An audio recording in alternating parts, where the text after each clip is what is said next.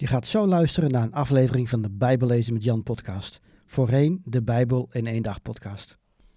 De genoemde links in deze uitzending kunnen verouderd zijn. Kijk op bijbellezenmetjan.nl of in de omschrijving van deze aflevering voor meer informatie over hoe ik mensen en kerken kan helpen met het lezen, begrijpen en geloven van de Bijbel. Welkom bij de Bijbel in één dag podcast. Mijn naam is Jan Heijnen. Ik ben auteur van het boek De Bijbel in één dag. Ik geloof dat de Bijbel Gods woord is en dat we allemaal deel uitmaken van zijn verhaal. De Bijbel is ook een vreemd boek soms. Ik help christenen de Bijbel te lezen, te begrijpen en te geloven. Op de Bijbel in kun je het e-book De Bijbel in één dag gratis downloaden. Ook kun je de paperback bestellen of je inschrijven voor een van mijn cursussen of seminars. Oké, laten we met de aflevering beginnen. En in deze aflevering staan 1 en 2 Timotheus centraal. Behalve zijn brieven aan kerken schreef Paulus namelijk ook enkele pastorale brieven, gericht aan mensen die hij persoonlijk goed kende.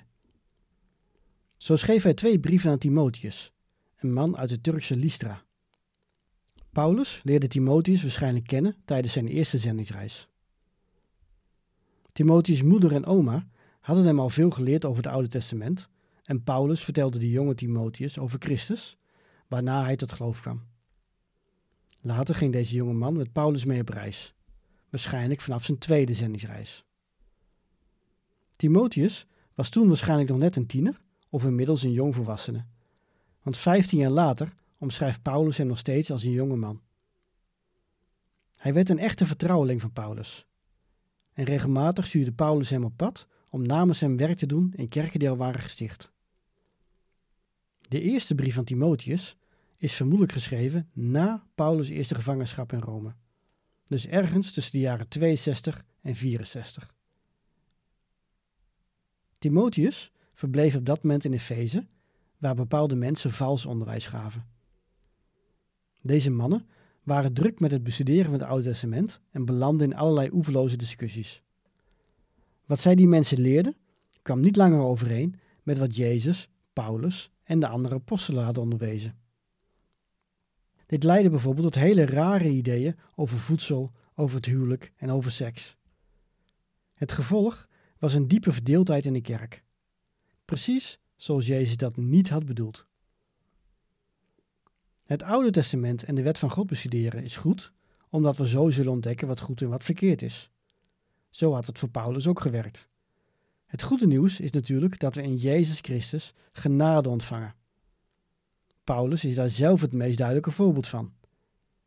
Hij vervolgde de vroege kerk immers, maar ook hij mag bij Jezus' familie horen. Aan Timotheus de taak om deze leiders te corrigeren. Hij moet ervoor zorgen dat de christenen in Efeze zich wijden aan gebed voor de leiders van het Romeinse Rijk en voor vrede, schrijft Paulus aan hem. Die vrede moet ertoe leiden dat het evangelie zich verder kan verspreiden. God wil immers dat alle mensen worden gered. De mannen die met elkaar in conflict zijn, moeten zich toewijden aan trouwgebed, zegt Paulus nog voor hij ingaat op een ander probleem. Er was namelijk een groep rijke vrouwen die me wat graag helemaal opgedirkt naar de samenkomst kwam, compleet met de mooiste en duurste mantels en sieraden. En ze hadden tijdens de bijeenkomsten ook regelmatig het hoogste woord. Van hen zegt Paulus dat zij zich waardig en sober moeten kleden. Dat is misschien nog wat te begrijpen. Maar een stuk lastiger is de volgende tekst, waarin Paulus zegt dat de vrouwen niet mogen onderwijzen en geen gezag over mannen mogen hebben. Dit kan op drie manieren worden uitgelegd. Sommigen geloven dat Paulus hier zegt dat vrouwen onder geen enkele omstandigheid mannen mogen onderwijzen of leiden. Als tweede, anderen denken juist dat Paulus bedoelt dat vrouwelijke leiders ook mannen mogen onderwijzen, mits ze zelf correct onderwijs hebben ontvangen.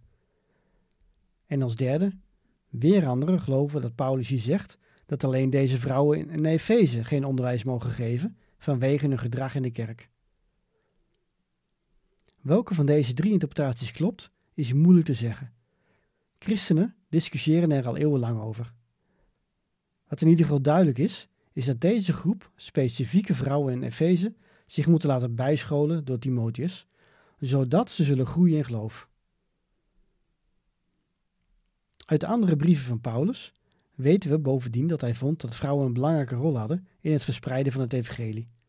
Zeker als het ging om het bereiken van andere vrouwen met het onderwijs van Jezus. Lydia uit Filippi was bijvoorbeeld een belangrijke kerkleider. In zijn brief aan Timotheus gaat hij ook dieper in op de toestand van het leiderschap.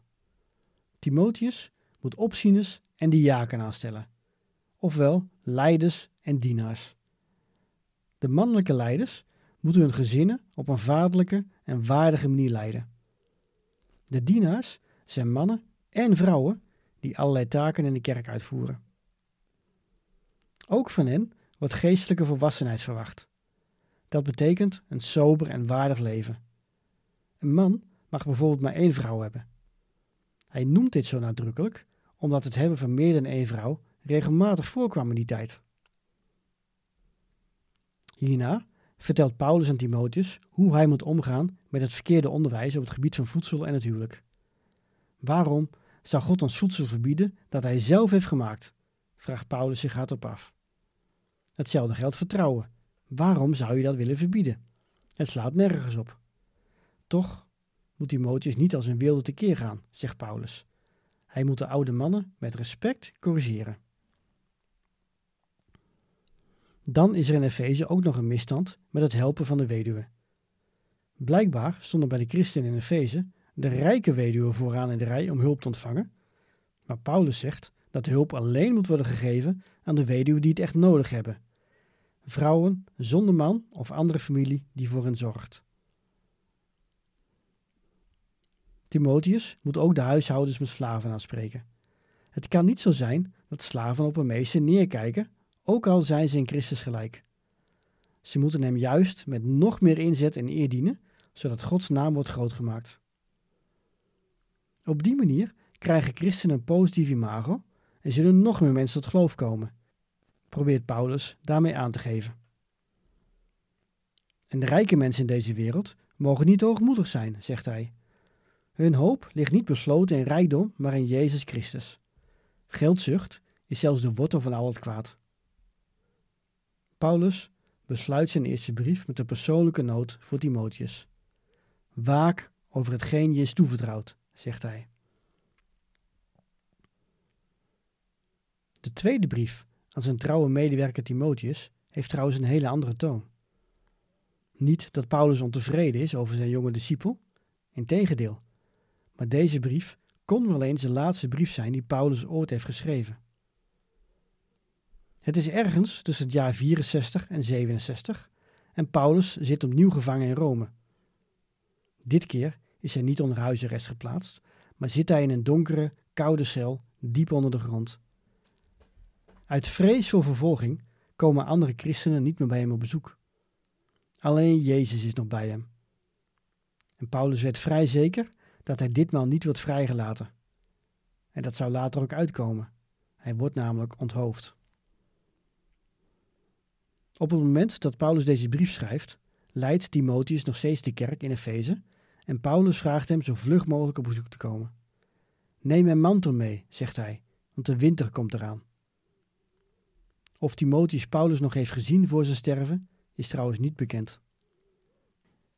Maar Paulus schreef deze brief niet alleen om zijn mantel terug te vragen, maar ook om Timotheus te bemoedigen. Het lijkt erop dat deze jonge man onder grote druk is komen te staan. De valse leraren zijn nog steeds actief en de vervolging is toegenomen. Houd je vuur brandend, zegt Paulus. Met andere woorden, blijf je werk met passie doen. Wees niet bang. God heeft je een geest gegeven van kracht, liefde en bezonnenheid. Schaam je daarom niet voor de Heer en niet voor mij. Ik zit gevangen voor het evangelie. Lijden hoort erbij. Laat je niet afleiden door wat niet belangrijk is. Focus op je missie. En met een kort gedicht probeert dat Timotheus nog meer moed in te praten. Als wij met hem gestorven zijn, zullen we ook met hem leven. Als wij volharden, zullen we ook met hem heersen. Als wij hem verloochenen, zal hij ons ook verloochenen. Als wij hem ontrouw zijn, blijft hij ons trouw, want zichzelf verloochenen kan hij niet. En dat is ook wat Timotheus de gelovigen moet blijven voorhouden.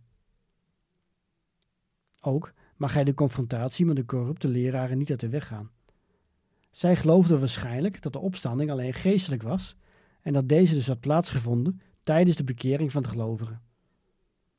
Maar Paulus benadrukt dat dit niet klopt.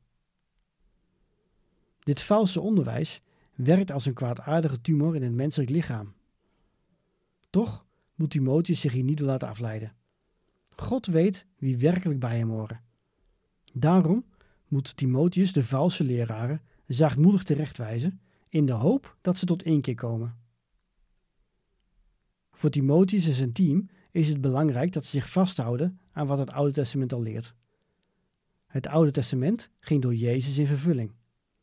Elke schrifttekst is door God geïnspireerd, zegt Paulus, en kan gebruikt worden om onderricht te geven. Dat onderwijs heeft dus als doel om te corrigeren wat fout gaat in je denken en handelen. Maar ook om mensen op te voeden, zodat ze een waardig leven voor Jezus leiden en ze toegerust worden om Hem te dienen. Deze beide brieven aan Timotheus zijn erg belangrijk.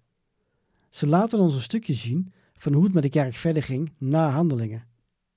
Ook wordt duidelijk hoe Paulus moest lijden voor het geloof en dat er altijd tegenstand en zelfs vervolging zal zijn. Jezus volgen is niet makkelijk. Het kan zelfs tot grote problemen leiden. Toch moeten we ons vasthouden aan de hoop die we in Jezus vinden. Hij is voor ons gestorven en opgestaan. En hij zal opnieuw komen. Maar tot die tijd moeten we hem trouw dienen onder alle omstandigheden.